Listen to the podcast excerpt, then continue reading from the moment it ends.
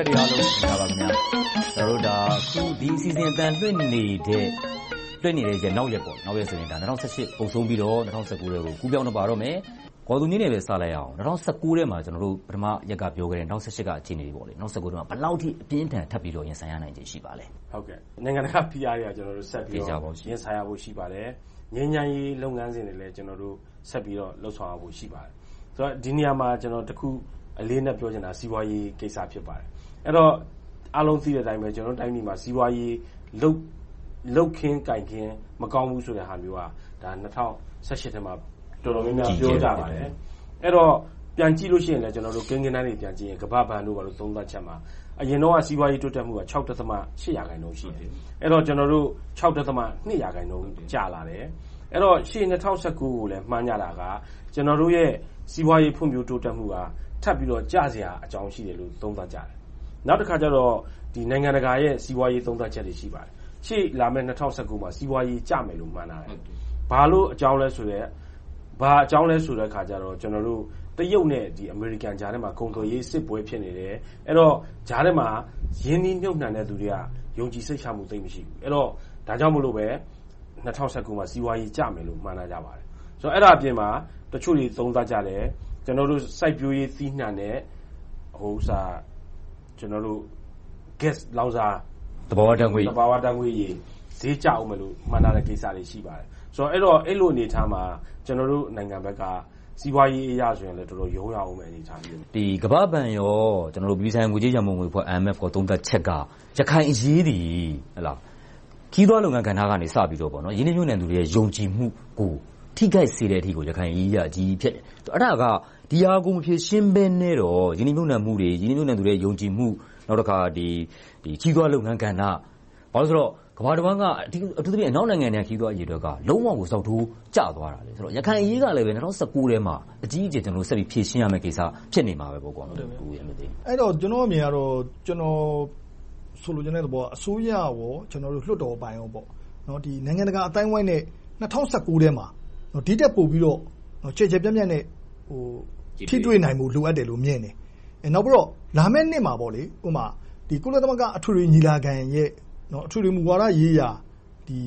မိန့်ခွန်းပြောတဲ့နေရာမှာ နိုင်ငံတော်သမ္မတပဲဖြစ်ဖြစ်၊ဒါမှမဟုတ် နိုင်ငံတော်အတိုင်ပင်ခံ ပုဂ္ဂိုလ်ပဲဖြစ်ဖြစ် တက်ရောက်ပြီးတော့ ပြောဖို့လိုအပ်တယ်လို့ မြင်တယ်။နောက်ပြီးတော့ အထူးသဖြင့်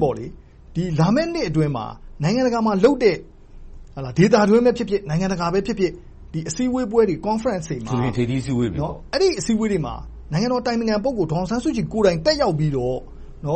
ရှင်းပြနိုင်မယ်။နောက်ပြီးတော့ နိုင်ငံတကာရဲ့အသံကို နားထောင်နိုင်မယ်။အဲဒီအပေါ်မှာ ပြန်ပြီးတော့ ဆွေးနွေးနိုင်မယ်ဆိုရင်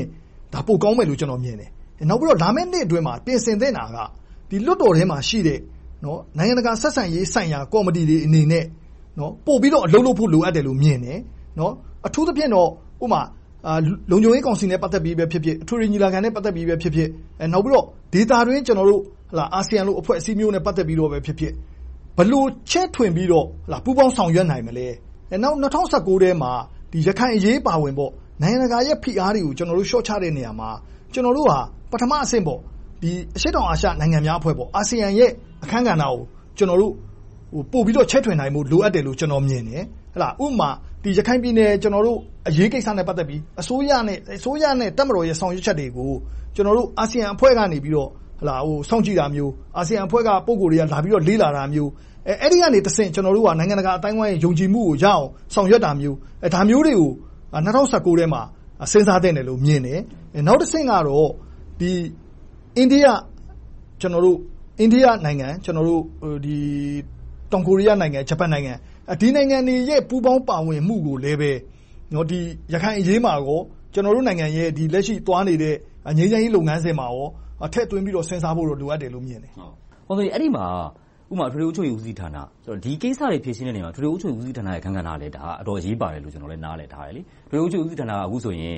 ၂၀၁၈ တုန်းကသုံးသပ်ထားသလို သမ္မတရုံးဝန်ကြီးဌာနလက်အောက်ကို ပြောင်းမယ်ဆိုတော့ အဲဒီ ရိုက်ခတ်မှု၊အဲဒီအရှိန်က၂၀၁၉မှာဘယ်လောက်အထိ။နောက်တခုကလူထုနဲ့တိုက်ရိုက်ထိဆက်တဲ့ဌာနဖြစ်နေတော့အဲဒါကိုဘယ်လောက်အထိ၂၀၁၉မှာသုံးသပ်လို့ရမလဲ။မျှော်လင့်လို့ရမလဲ။အရင်တုန်းကတော့ပြည်ထဲရေးကကာကွယ်ရေးဦးစီးချုပ်အောက်မှာရှိတာပေါ့။အဲဒီတော့သူကိုအစိုးရအဖွဲ့ရုံးဝန်ကြီးအောက်ကိုရွှေ့ပေးလိုက်တယ်။ရွှေ့ပေးလိုက်တော့ကျနော်ထင်တယ်ဒါက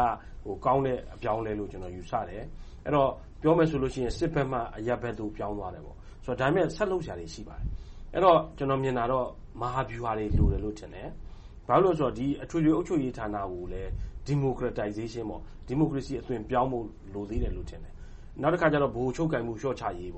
ဒီကိစ္စတွေ ဆက်လုပ်ဖို့ လိုတယ်လို့ ကျနော်ထင်တယ်။ကိုရန်မျိုးသိမ်း အဲဒီဟာကို အတော်လေး အကောင်းမျှော်လင့်ထားတယ်။ကျနော်ကတော့ ဒါကတော့အခုနပြောသလိုအပြောင်းအလဲတခုလို့တော့ကျနော်မြင်တယ်။ဒါပေမဲ့ အရေးကြီးတာက ၂၀၁၉ ထဲမှာ မြို့နယ်နဲ့ ခရိုင်အုပ်ချုပ်ရေးနဲ့ ပတ်သက်တဲ့ ဥပဒေတခုကို ကျနော်တို့ ပြည်ထောင်စုလွှတ်တော်မှာ အတည်ပြုပြဌာန်းနိုင်ဖို့ လိုအပ်တယ်လို့ မြင်တယ်။အဲဒီဥပဒေကနေတဆင့် မြို့နယ်နဲ့ ခရိုင်အုပ်ချုပ်ရေးမှာ ပြည်သူက ရွေးကောက်တင်မြှောက်တဲ့ သူတွေလည်း ပါဝင်နိုင်တဲ့ ပုံစံမျိုး။ဘာလို့လဲဆိုတော့ ဖွဲ့စည်းပုံအခြေခံဥပဒေ ပုဒ်မ288မှာကြတော့ခရိုင်နဲ့ မြို့နယ်အုပ်ချုပ်ရေးမှာ နိုင်ငံဝန်ထမ်းတွေကို တာဝန်ပေးရမယ်လို့ ဖော်ပြထားတယ်။အဲဒီတော့ ဆိုလိုချင်တဲ့သဘောက နိုင်ငံဝန်ထမ်းတွေနဲ့ပဲ ဆောင်ရွက်ရမယ်လို့ ပြောတာ မဟုတ်ဘူး။နိုင်ငံဝန်ထမ်းတွေက ဦးဆောင်ရမယ်လို့ ပြောတာ မဟုတ်ဘူး2019ခုနှစ်ထဲမှာ အစိုးရအနေနဲ့၊တိုင်းပြည်တခုလုံးအနေနဲ့၊လူထုအနေနဲ့ သတိထားစောင့်ကြည့်သင့်တဲ့ ကိစ္စတွေများ ရှိနေသလား။ ဘယ်လိုကိစ္စမျိုးတွေကို သတိထားစောင့်ကြည့်သင့်လဲ။၂၀၂၀ ဆိုရင် အထွေထွေရွေးကောက်ပွဲ လာပြီ။အဲဒီတော့ ၂၀၁၉ က အထွေထွေရွေးကောက်ပွဲ မတိုင်ခင်တနှစ် ဖြစ်နေတယ်။အဲဒီအခါကြတော့ အခုန ကိုအောင်သူငြိမ်း ဆွေးနွေးသွားတဲ့အထဲမှာ ကျနော်တို့က အထွေထွေအုပ်ချုပ်ရေး ဦးစီးဌာနကိုကျနော်တို့ကတပ်မတော်ကာကွယ်ရေးဦးစီးချုပ်က ခန့်အပ်တဲ့ ပြည်ထဲရေးဝန်ကြီး စီမံခန့်ခွဲမှုအောက်ကနေ ဟိုဘက် ပြည်ထောင်စုအစိုးရအဖွဲ့ရုံး ဝန်ကြီးဌာနအောက်ကို ပြောင်းတယ်ဆိုပေမယ့် ကျနော်တို့မှာ စိုးရိမ်စရာ ရှိနေတာက ဘာလဲဆိုတော့ ဗဟိုချုပ်ကိုင်မှု မြင့်မားနေတာ။ အစိုးရထဲမှာ၊လွှတ်တော်ထဲမှာ၊အာဏာရပါတီထဲမှာဗဟိုချုပ်ကိုင်မှု မြင့်မားနေတာဟာ ကျနော်တို့တိုင်းပြည်ရဲ့ ဒီမိုကရေစီ အပြောင်းအလဲအတွက်ကို အင်မတန်မှ ကြီးမားတဲ့ ခြိမ်းခြောက်မှုကြီးတခုလို့ မြင်တယ်။အဲဒီတော့ ၂၀၁၉ ဟာ ၂၀၂၀ ကြားဖြတ်အထွေထွေ ရွေးကောက်ပွဲရဲ့ အကြိုနှစ် ဖြစ်တဲ့အခါကြတော့ ၂၀၁၉ ထဲမှာအဲဒီအခုနပြောနေတဲ့ ဗဟိုချုပ်ကိုင်မှု မြင့်မားနေတာတွေကို လျှော့ချနိုင်ပါ့မလားလို့တော့ ကျနော် သံသယ ရှိတယ်။ဒါမှန်တယ်၂၀၂၀ ရွေးကောက်ပွဲနဲ့ဆိုတော့။နောက်တခုကကျနော် စဉ်းစားမိတာက ပြီးခဲ့တဲ့နှစ်တွေမှာ ဖြစ်ခဲ့တာနည်းနည်းလေး အခြေအနေငြိမ်တဲ့အချိန်မှာ တနေရာတစစကနေ တခုခုထားပစ်ပြီးတော့ တိုင်းပြည်က အဲဒီမှာ တဝဲလည်လည် ဖြစ်ဖြစ်သွားတတ်တယ်။ရှေ့ကိုမတိုးနိုင်ဘဲနဲ့။အခု ၂၀၁၈ ထဲမှာ နောက်ဆုံးရက်တွေမှာဆိုရင် ရခိုင်ဘက်မှာ အစလေးတွေ လူသတ်မှုတွေဖြစ်တာ၊အဲဒါမျိုးတွေ ဖြစ်ထားတာတွေရှိတယ်။နောက်တခုက အစွန်းရောက်တွေရဲ့ အစွန်းရောက်ဆိုတဲ့နေရာမှာ ဘာသာရေး လူမျိုးရေး စသည်အားဖြင့် အဲဒီအန္တရာယ်ကိုကျနော်တို့ဘယ်လောက်အထိ သတိထားသင့်လဲ။ကျနော်တို့ဆီမှာ အခုနပြောတဲ့ လူမျိုးရေး၊ဘာသာရေးဒီလိုပဋိပက္ခတွေ ဖြစ်နိုင်ခြေ အဲဒါကတော့ ကျနော်ထင်တယ် တလျှောက်လုံး ရှိနေသေးတယ်လို့ ထင်တယ်။ ဒီမီးကမငြိမ်းသေးဘူးလို့ထင်ပါတယ်။အဲဒီတော့အခုနကိုရန်မျိုးသိမ်းပြောတာကိုနည်းနည်းဆက်စပ်ပြောရင်တော့၂၀၂၀မှာရွေးကောက်ပွဲကြီးလာတော့မယ်နောက်တကြိမ်။မလာခင်မှာ၂၀၁၉ကကြိုတင်ပြင်ဆင်မှုအနေနဲ့အရေးပါတဲ့နှစ်ဖြစ်ပါတယ်အဲဒီအနေအထားမှာကျနော်ဘာတွေမြင်ချင်လဲဆိုတော့မီဒီယာတွေကိုအားကောင်းအောင်ပြန်အားပေးလာတာမျိုးကိုကျနော်မြင်ချင်ပါတယ်။နောက်တခုကဒီမိုကရေစီအခွင့်အရေး၊ပြောရေးဆိုခွင့်၊လွတ်လပ်ခွင့်ဒါတွေပိုမြင့်လာအောင်ပေးတာမြင်ချင်ပါတယ်။အဲဒီလိုမှမဟုတ်ဘူးဆိုရင်အစိုးရက တဘက်ကအသာစီးယူတယ်။ကျန်တဲ့ နိုင်ငံရေးလှုပ်ရှားသူတွေ၊အရပ်ဘက်အဖွဲ့အစည်းတွေက အားမကောင်းဘဲနဲ့ ၂၀၂၀ ကို ဖြတ်ရမယ့်ကိန်းလည်း ဖြစ်သွားမယ်။၂၀၁၈ ထက်စာရင်တော့အခုနပြောတဲ့ ဒီမိုကရေစီရပ်ဝန်း နေရာပိုကျယ်လာဖို့လိုတယ်။မီဒီယာတွေရဲ့ လုပ်ကိုင်ခွင့်တွေ ပိုတိုးလာဖို့လိုတယ်။ကျနော်တို့ ဒီလိုယေဘုယျ သုံးသပ်လို့ရတာပေါ့။ဆိုတော့ ၂၀၁၉ ထဲမှာ အကောင်းဆုံးမျှော်လင့်နိုင်တဲ့ အခြေအနေ၊ဖြစ်ရပ်တွေ၊ကိစ္စတွေဆိုရင် ဘာတွေကို ပြောလို့ရမလဲ။ကျနော်ကတော့ အခုန ကျနော့်အမြင်က ကျနော်တို့နိုင်ငံမှာ ယုံကြည်မှုနဲ့ ပတ်သက်တဲ့ Trust နဲ့ ပတ်သက်တဲ့ စိန်ခေါ်မှုက တော်တော်လေး ကြီးမားတယ်လို့မြင်တယ်။အခုနပြောတဲ့ လူမျိုးရေး၊ဘာသာရေးနဲ့ ပတ်သက်တဲ့ ပဋိပက္ခတွေပဲကြည့်ကြည့်၊လက်ရှိ ကျနော်တို့နိုင်ငံရဲ့ အဓိက ငြိမ်းချမ်းရေး စိန်ခေါ်မှုမှာပဲကြည့်ကြည့် ဒီ Trust ပြဿနာက တော်တော်အရေးကြီးတယ်လို့ မြင်တယ်။အဲဒီပြဿနာနဲ့ ပတ်သက်ပြီးတော့ လွန်ခဲ့တဲ့ လွတ်လပ်ရေးရပြီးတဲ့ ကာလကနေ ပြန်ကြည့်တဲ့အခါကြတော့ ဒီ Trust Building ကို ကျနော်တို့က ယုံကြည်မှု တည်ဆောက်တဲ့အပိုင်းကို ထိထိရောက်ရောက် ဆောင်ရွက်ခဲ့တဲ့ အထောက်အထားက အင်မတန်မှနည်းတယ်။အဲဒီတော့ လက်ရှိအခြေအနေမှာ ကျနော်တို့ကယုံကြည်မှု တည်ဆောက်ရေးကို အစိုးရ၊လွှတ်တော်၊တပ်မတော်၊တိုင်းရင်းသားလက်နက်ကိုင်အဖွဲ့အစည်း၊တိုင်းရင်းသားတွေကြားတင်မကဘူး ကျနော်တို့ နိုင်ငံထဲမှာရှိတဲ့ လူမျိုးပေါင်းစုံအကြား၊ဘာသာပေါင်းစုံအကြားမှာ ကြီးကြီးမားမားနဲ့ ကျယ်ကျယ်ပြန့်ပြန့် တည်ဆောက်လာနိုင်မယ်ဆိုရင် ၂၀၁၉ ထဲမှာ အတိုင်းအတာတခုအထိ ပိုပြီးတော့ကောင်းမွန်တဲ့ လူ့အဖွဲ့အစည်းတခုကို ရလာနိုင်မယ်လို့ မြင်တယ်။ သိပ်အကောင်းကို အင်မတန်လိုချင်တဲ့ မျှော်လင့်ချက်ပါပဲ။ကိုအောင်သူငြိမ်းကရော ၂၀၁၉ ထဲမှာ ဘာကိုများ အကောင်းဆုံး မျှော်လင့်ထားလဲ။အခုန ယုံကြည်ချက်ဆိုတဲ့ဟာနဲ့လည်း ဆိုင်တာပေါ့။ကျနော်စဉ်းစားကြည့်နေတဲ့အခါကြတော့ ဆရာကြီးဒေါက်တာဦးမြင့် ပြောတာတခု သွားသတိရတယ်။အဲဒီတော့ အစိုးရကလည်း ပြည်သူကို ယုံကြည်မှုလည်း ရစေချင်တယ်။2019ထဲမှာလည်း